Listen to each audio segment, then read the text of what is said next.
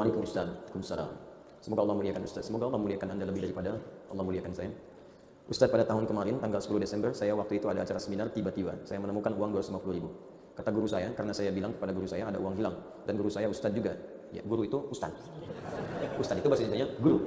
Guru itu bahasa Arabnya Ustaz. Ya. Dan guru saya Ustaz juga. Ya. Dia mengatakan, udah uang itu jadi milik kamu. Ah, ini dia. Karena saya tidak tahu ilmunya, saya pakailah uang itu. Nah, ya. Sebagian disodakohkan, iya rumus. Sodakohnya kurang lebih berapa ini? 20 ribu 70 ribu? Kelihatannya sih 7 berapa ini mas? 70 ribu. Nemu 250 baik sodako 70 180 pakai sendiri. Sisanya dipakai oleh saya. Bagaimana Ustaz hukumnya? Apakah saya berdosa? Baik. Salam kanggo Ustaz. Di Kamosong baik. Harta temuan itu kalaupun ingin diambil sebelum diambil dipertimbangkan dulu resiko ada dua cara pertama ditinggalkan tetap di tempatnya kalau memang kita tak mampu mengembalikan pada pemiliknya. Karena hukum pertama barang temuan itu dikembalikan pada pemilik, bukan digunakan. Apa pun itu, nemu tas, nemu dompet, ya, nemu uang, dan sejenisnya sekiranya berharga. Kalau kotoran nggak usah, ya kan? Sekiranya berharga. Ciliwung nemu sesuatu, ya biarin aja tuh, ya. Nah, ini yang kiranya berharga. Kalau anda sudah dapatkan itu, anda temukan, maka hukum pertama, jika punya kemampuan dan anda ingin mengambilnya, maka kewajiban langsung melekat kepada anda untuk mengembalikan pada pemiliknya. Kalau tak punya kemampuan, ada dua pilihan. Imam meninggalkan itu, supaya resiko beban tidak berpindah kepada Anda. Atau yang kedua, Anda infokan pada orang lain. Yang mungkin lebih tahu dan lebih mampu untuk mengembalikan itu. Biasanya di sini ada pihak berwajib. Ya, sini ada saudara kita, bisa ada Pak Eli, ada yang lain. Kembalikan lewat orang atau yang punya kemampuan, punya instrumen untuk melacak itu.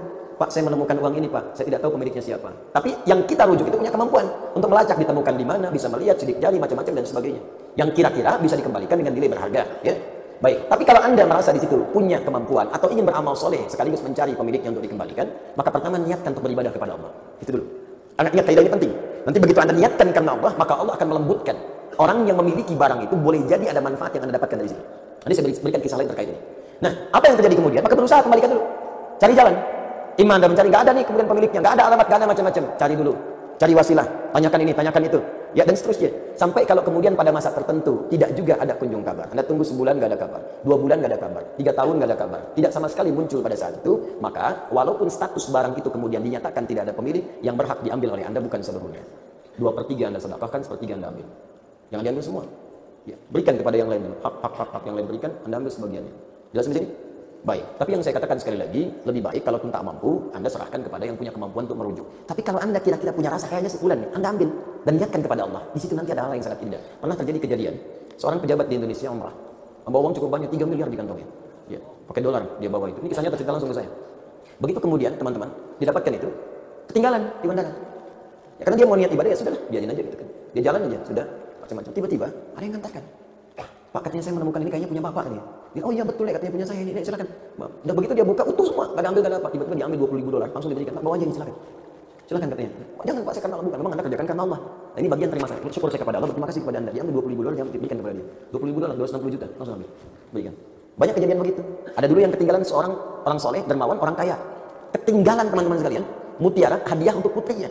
Ya, jadi putrinya memasuki usia-usia yang cukup baik, usia sudah layak menikah, ketinggalan kemudian di sebuah musola uh, toilet masjid. Jadi dia masuk toilet tempat ada yang mengatakan tempat wudhu. Ini kisah nyata.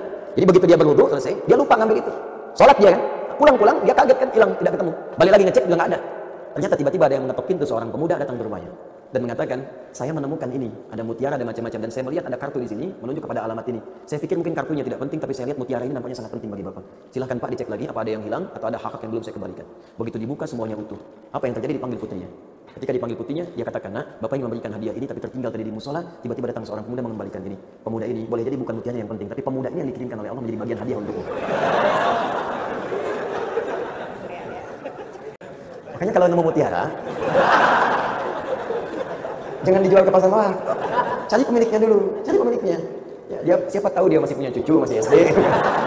Memang untuk dia, mungkin jodohnya anak antum di kemudian hari. Bangun jadi kekerabatan, jadi teman kan, mungkin pemilik perusahaan, mungkin macam-macam. Jadi bagian yang mungkin Allah datangkan rezeki di situ. Jelas ya? Terus kasus yang tadi bagaimana Ustaz? Anda ambil 70 ribu. Ya, eh maaf, Anda berikan 70 ribu. Banyak kan Anda ngambilnya. ya, 250 ribu. 50 ribu bagi tiga berapa? Ayo cepat. Cepat, cepat Joni. Hah? berapa? 80, 80 sekian, 82, ya kan? Ah, maka eh, ya sudah Anda kembalikan aja dulu tambahkan yang tadi. Ya, keluarkan. Berarti kan yang Anda ambil 100 ya, 250 ribu kurangi 70 80 ya kan? Nah, maka 100 ribunya keluarkanlah ya. Keluarkan. Dikeluarkan ke mana Ustaz? Sedekahkan kepada yang memerlukan. Ya, berikan, berikan, berikan dan semoga Allah ridha dengan apa yang telah Anda kerjakan insyaallah.